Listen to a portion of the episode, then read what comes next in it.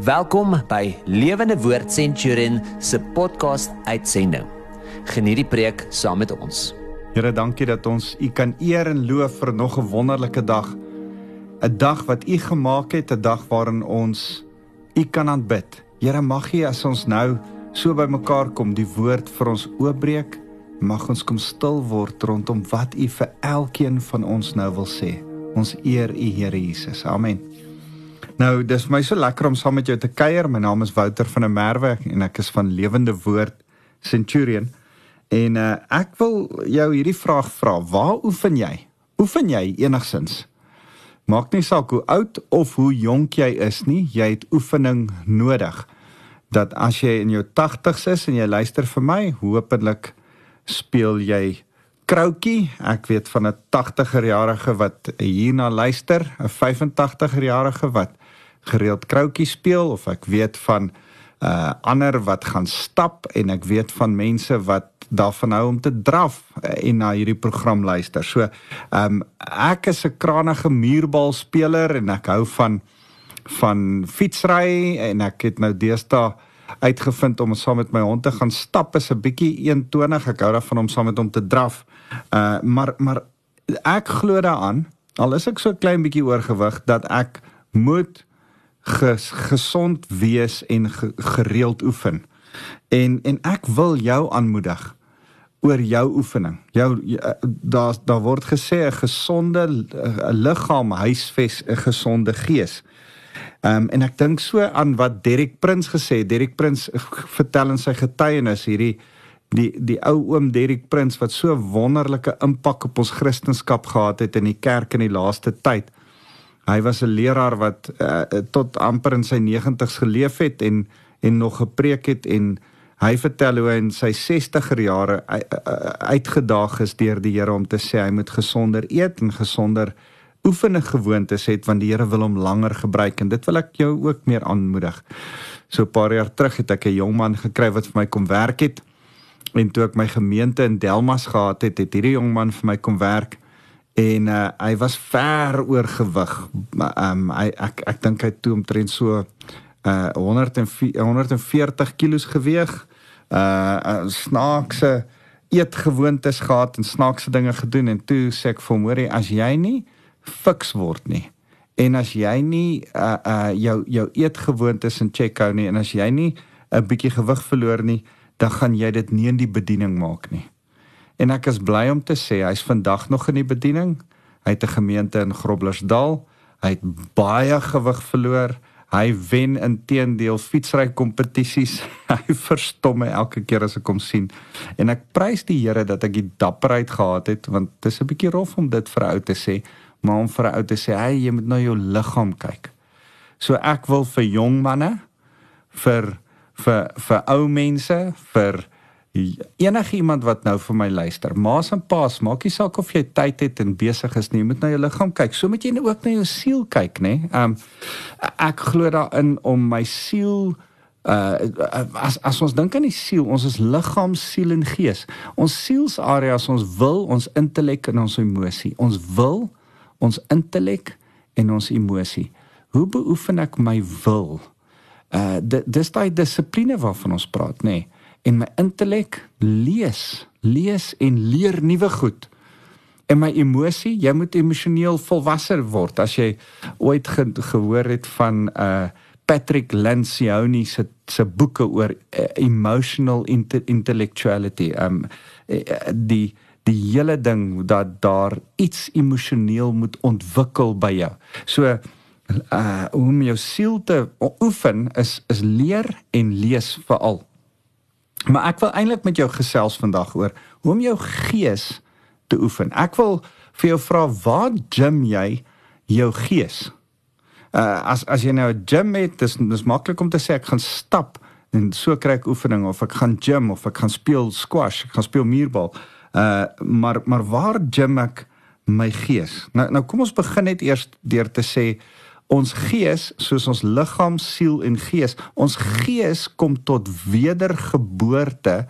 Ons gees word geaktiveer, word eintlik aan die gang gesit, word gebore sê die skrif wanneer ons tot wedergeboorte kom en Jesus verduidelik dit in Johannes hoofstuk 3 en ek lees vir julle vanaf vers 5. Hy sê Jesus het geantwoord vir Nikodemus, nê? Nee? Nikodemus vra hom 'n paar vrae en Jesus antwoord hom: Ek verseker jou, as iemand nie uit water en gees gebore word nie, kan jy so nimmer as te nooit in die koninkryk van God ingaan nie. Wat uit 'n menslike liggaam gebore is, is menslik, en wat uit die gees gebore is, is gees. Moenie verwonderd wees dat ek vir jou gesê het jy moet van bo gebore word nie. Is dit nie mooi nie? Ons wedergeboorte is, is eintlik 'n van bo gebore word. Dan sê hy die wind waai waar hy wil. Hy hoor sy, sy jy, jy hoor sy suising, maar jy weet nie waarvandaan hy kom en waarheen hy op pad is nie. So is dit met elkeen wat uit die gees gebore is. Ek en jy word wedergebore uit die gees en dan begin ons gees eintlik lewe. Voor dit, as ons gebore word, voordat ons as ons ongelowiges en nog nie tot wedergeboorte gekom het nie, het ons eintlik net so 'n 'n honger, 'n 'n geesbegeerte, iets ons ons besef iets kort. Ehm um, Pascal, die ou wat met lugdruk gewerk het en wind het altyd gesê, uh there's a, a void, a emptiness, 'n lugleegte in elke mens that can only be filled by God. Hy was 'n Franse Christen en wetenskaplike en hy het hierdie sekerlik in Frans gesê, so ek weet nie hoekom sê ek dit vir jou in Engels nie, maar daar's 'n lugleegte, 'n 'n hongerte, 'n uh, leegte wat net deur God alleen gevul kan word. Mense probeer dit op ander ander maniere vul, maar dit kan net deur die gees van God gevul word. So, ons gees word lewendig, word 'n babietjie die oomblik as ons tot wedergeboorte kom. En dan is daar 'n proses van volwassenheid, maar daar's 'n 'n oomblik van volwassenheid, amper 'n 'n 'n 'n 'n daad van volwassenheid wat in ons lewe gebeur en dit noem Jesus die doping in die Heilige Gees. Kan ek gou vir jou lees hierdie wonderlike skrif in Handelinge 1 vers vers 5. Hoor wat sê Jesus as hy vir sy disippels sê net voordat hy opvaar hemel toe. Ja, Johannes het julle met water gedoop, maar julle sal binne 'n paar dae met die Heilige Gees gedoop word. Nou hy praat nie van hulle fisiese doop onder water nie. Dit is 'n die doop is interessant genoeg altyd iets wat volwassenheid versinne beeld. Nou nou eh, doop het nie iets met 'n kind te doen nie.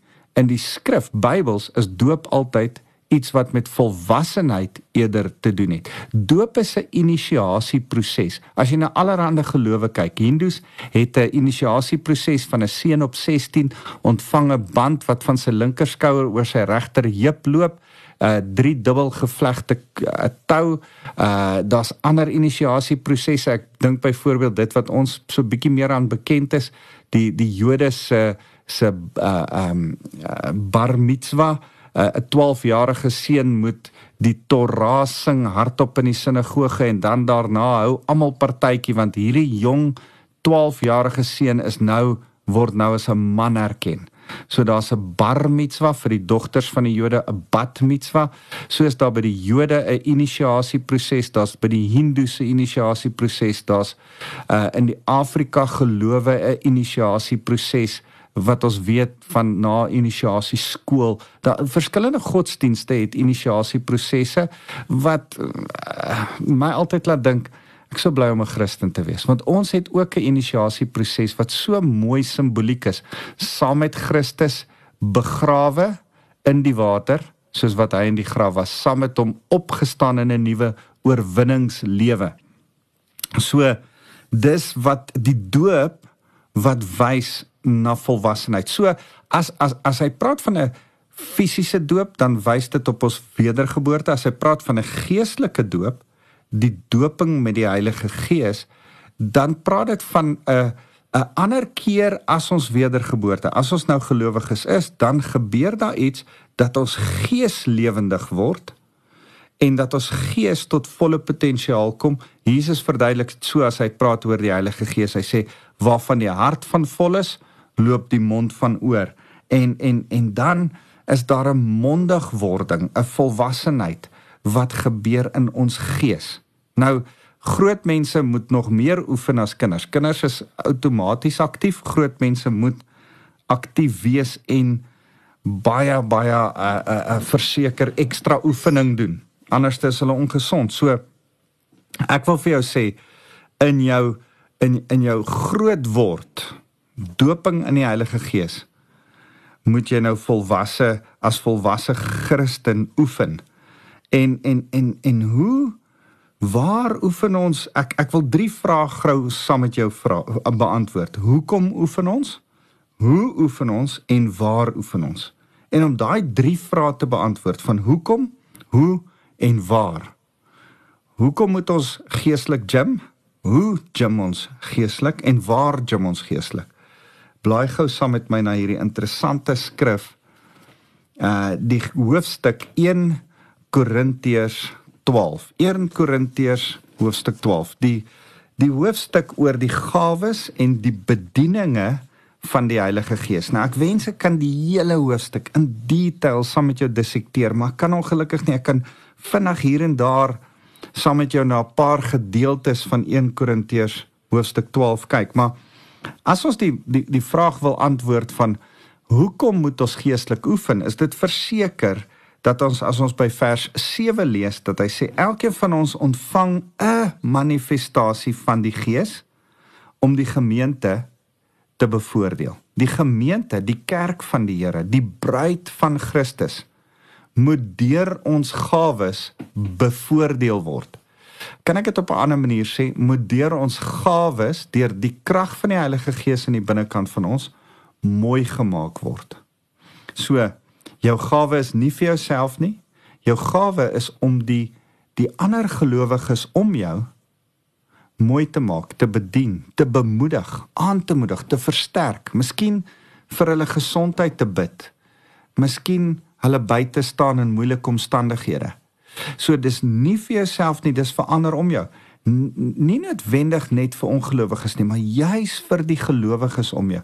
Vir my is die mooiste beeld wat ek ooit gekry het van die gawes van die Heilige Gees is toe ek die die Joodse huwelik bestudeer het en ek, ek agtergekom het dat uh met met die hele mooi simboliek van die Joodse huwelik en die en die taal wat Jesus Christus altyd oor die Joodse huwelik gepraat het toe hy gelykenisse vertel het.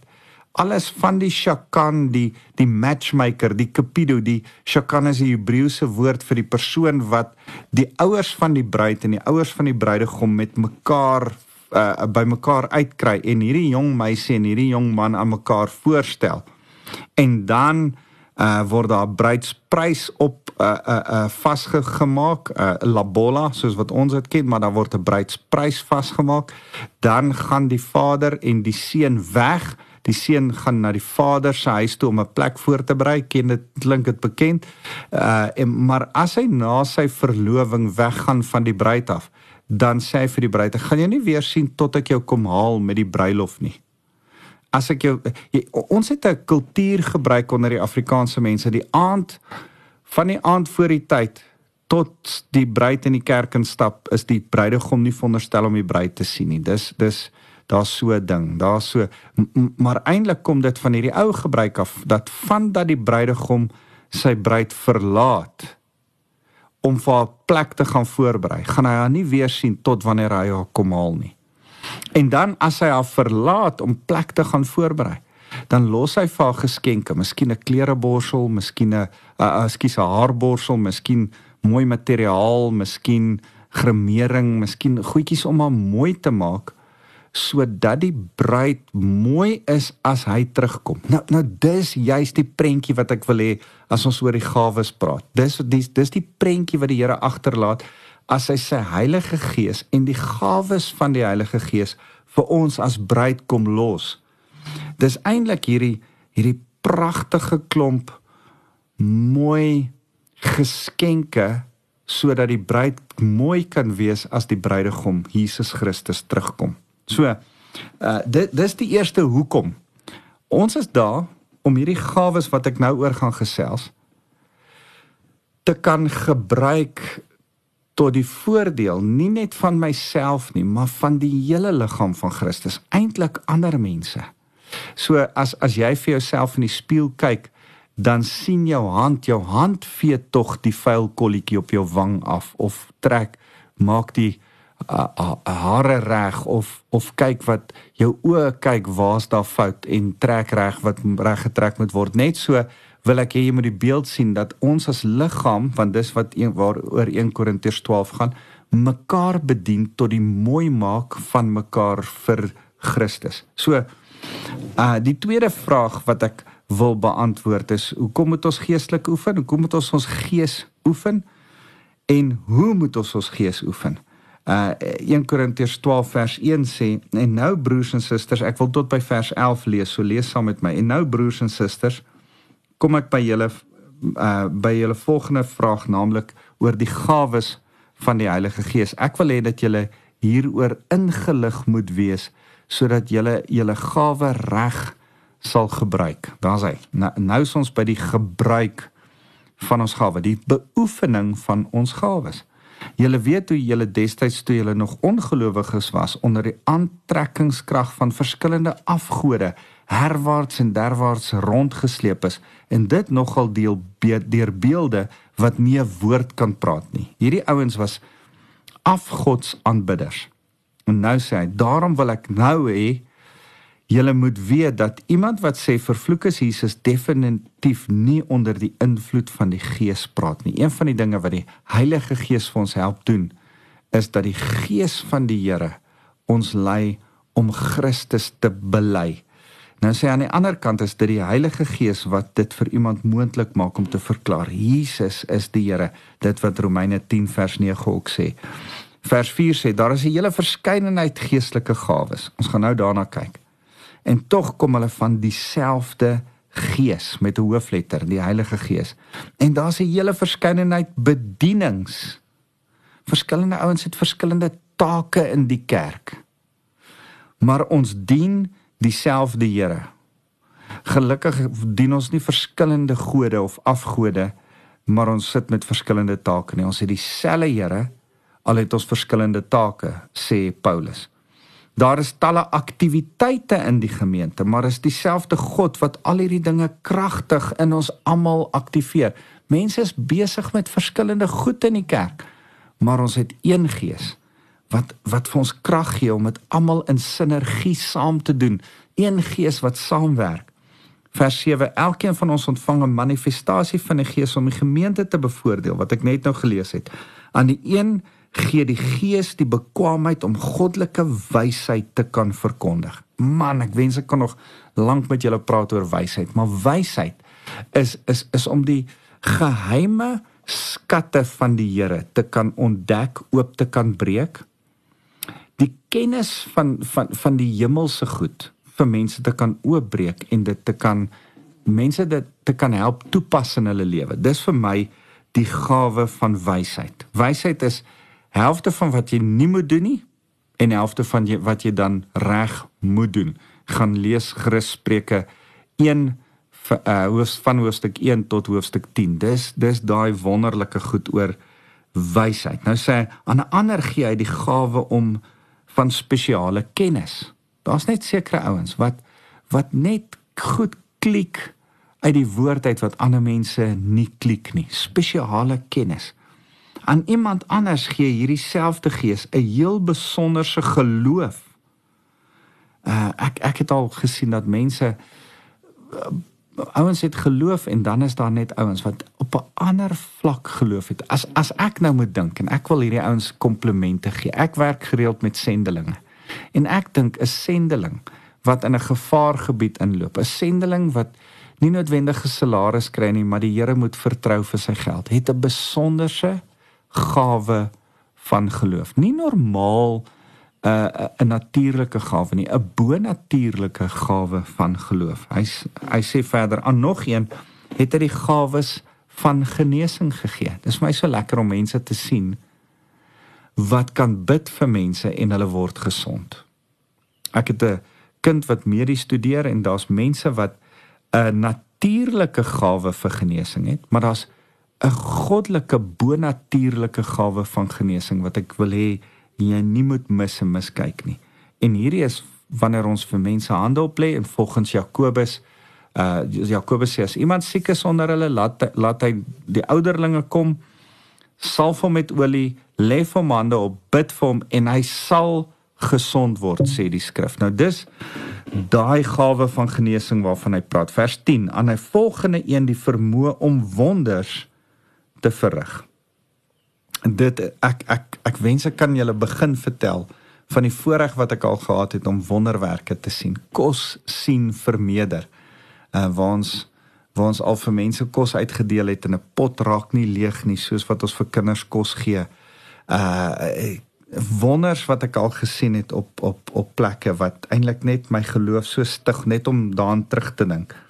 Ander ander ander die gawe van profesie so lekker om te weet dat mense voor jou kan staan en die Here sy wil aan hulle kan bekend maak en amper rigting gewys vir hulle kan profeteer en eintlik kan bevestig wat die Here alreeds in hulle harte met hulle oor begin praat. Dis wat die profetiese is dat die Here bonatuurlik deur jou praat met ander mense. Nou ek glo eerste dat die Here met elke persoon self moet praat. Ek glo nie en want, want dan raak dit manipulasie en waar sê hy as as as ek vir 'n ander ou moet sê wat die Here vir hom sê. Dis dit, ek glo met my hele hart dis nie die kerk se se plek nie. Ek glo dat profesie eintlik net moet bevestig wat die Here al klaar in jou hart begin stuur, wat die Here al klaar vir jou in jou stilte tyd sê, wat die Here al klaar met jou mee besig is. En dis hoe profesie werk. Dis rigtingaanwysend, dis visionêr. En nog een het vermoë om te onderskei tussen geeste. Daar's verskillende geeste. Daar's die Heilige Gees.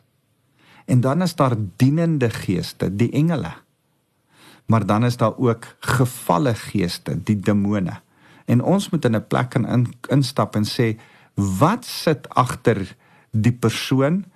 Wat onderskei ons partykeer in 'n plek in omstandighede? Wat veroorsaak hierdie omstandighede? Is dit die duiwel of is dit die Here wat hier besig is? En ons moet kan onderskei en daarom daarom het party mense net so gawe om te kan sien jong daai ou uh, pas op vir daai of jong daai hierdie plek voel net nie reg nie. En en sekere mense kan net in hulle gees sekere goed onderskei ek wil vir jou sê, hierdie is 'n bo natuurlike gawe. Daar's mense wat fyn aanvoeling vir mense het en mense wat met hulle verstandelike vermoë sekere goed kan weet of kan agterkom.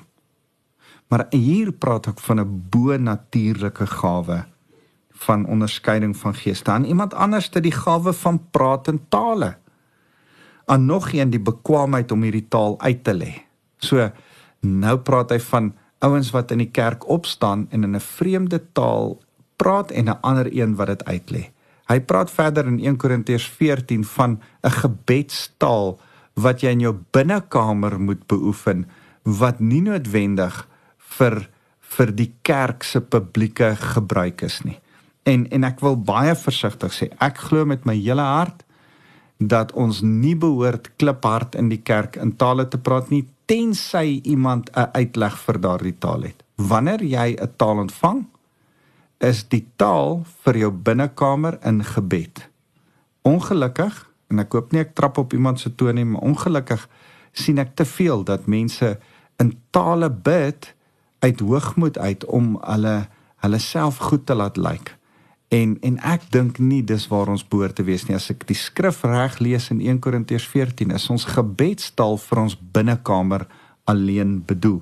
So nou praat hy oor hierdie goed. Nou nou sluit hy af by vers 11 en sê dis een en dieselfde Gees wat al hierdie gawes bewerk en wat elkeen uitdeel soos hy dit goed vind. So hoe oefen ons ons gawes? Ons ons doen hierdie goed. Ons vra vir die Heilige Gees. Heilige Gees kom woon, vervul ons, kom doop ons met die Heilige Gees en as die Heilige Gees dan ons binnekant is, dan kom hierdie Heilige Gees en dan deur getroue dissipline beoefen ons dit liefdevol sodat ons kragtige kanale kan word waardeur die Heilige Gees na ander mense toe kan vloei. En dan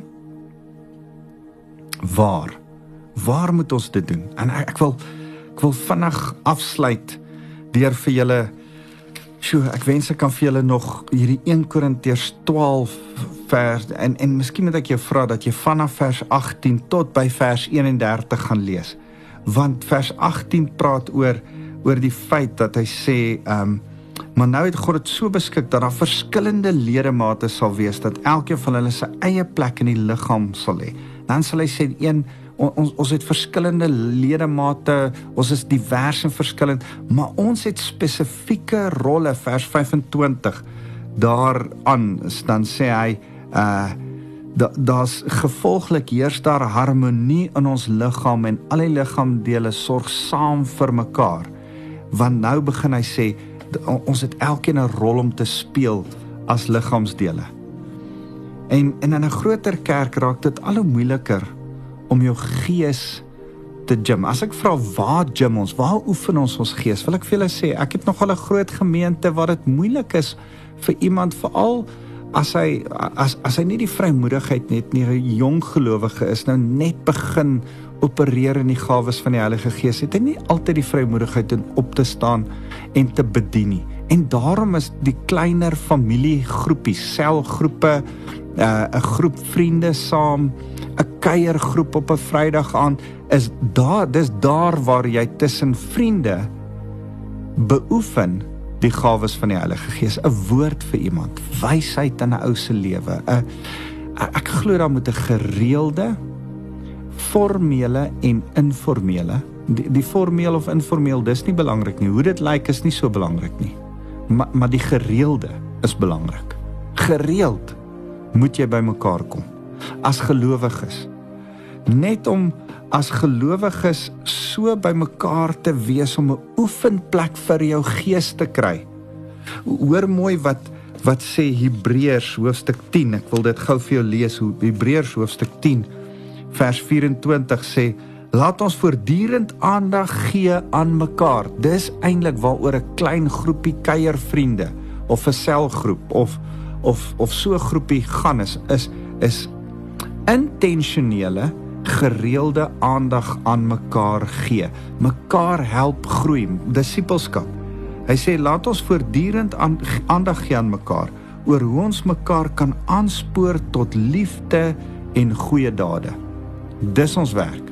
Ons moet mekaar aanspoor, aanmoedig tot liefde, die Heilige Gees en goeie dade. Nou sê hy En laat ons tog nie soos partygemeentelede in die die gewoonte het versuim om die gemeente byeenkomste by te woon nie. Kom ons moedig mekaar aan nog meer omdat ons sien dat die dag van Christus se koms al hoe nader kom. Kan ek vir jou aanmoedig? Jesus se koms is naby. Jy het nodig om 'n groep vriende op 'n gereelde basis om jou saam te trek vir wie jy met liefde kan bedien deur die krag van die Heilige Gees. Dit is jou geestelike gym. Maar dit is ook hulle geestelike gym, 'n plek waar jou vriende tyd kry om jou te bedien. En daarom wil ek jou aanmoedig. Kry so 'n plek. Kry so 'n plek waar waar almal die geleentheid het om te kan bedien. Nie net een ou die heeltyd praat nie, almal moet kan praat. Kry 'n plek waar waar, waar dit liefdevol is en en niemand iets snaaks of weer doen waaroor die ander ongemaklik is nie. Kry 'n plek waar waar jy genadig genoeg is met mekaar, waar jy afspreek van hierdie is 'n veilige plek waar jy mag foute maak en mag probeer en ons vir mekaar mag bid en jy mag skaam wees en jy mag jy mag jouself wees. Maar kry so 'n plek. Moenie vereensaam in jou kristendom nie, want jou geestes gym is ander mense waarmee jy die Christusliefde van die Heilige Gees bedien. So kom ek bid vir jou saam. Here baie dankie dat ons kan besef saamkom met ander gelowiges is belangrik. En Here as ons hierdie hierdie boodskap op radio luister en ons sit alleen. Here vra ek dat U vir elkeen wat dit alleen hoor, 'n begeerte sal skep om weer saam met ander Christene tyd te spandeer ten spyte van COVID en lockdown en al hierdie goed dat daar weer 'n begeerte sal wees al is dit 'n klein groepie vriende om saam met hulle te bid, saam met hulle te wees, saam met hulle gereeld te oefen die geestesgawes. Here ons eer U dat samekom, saam wees vir U belangrik is want dis wat kerk is. Want Here, ek kom seën elkeen van van hierdie ouens wat vir my luister. Mag die liefde van die Here mag die genade van Jesus en die krag van die Heilige Gees deel van hulle lewens wees. Amen. Ek lief vir julle.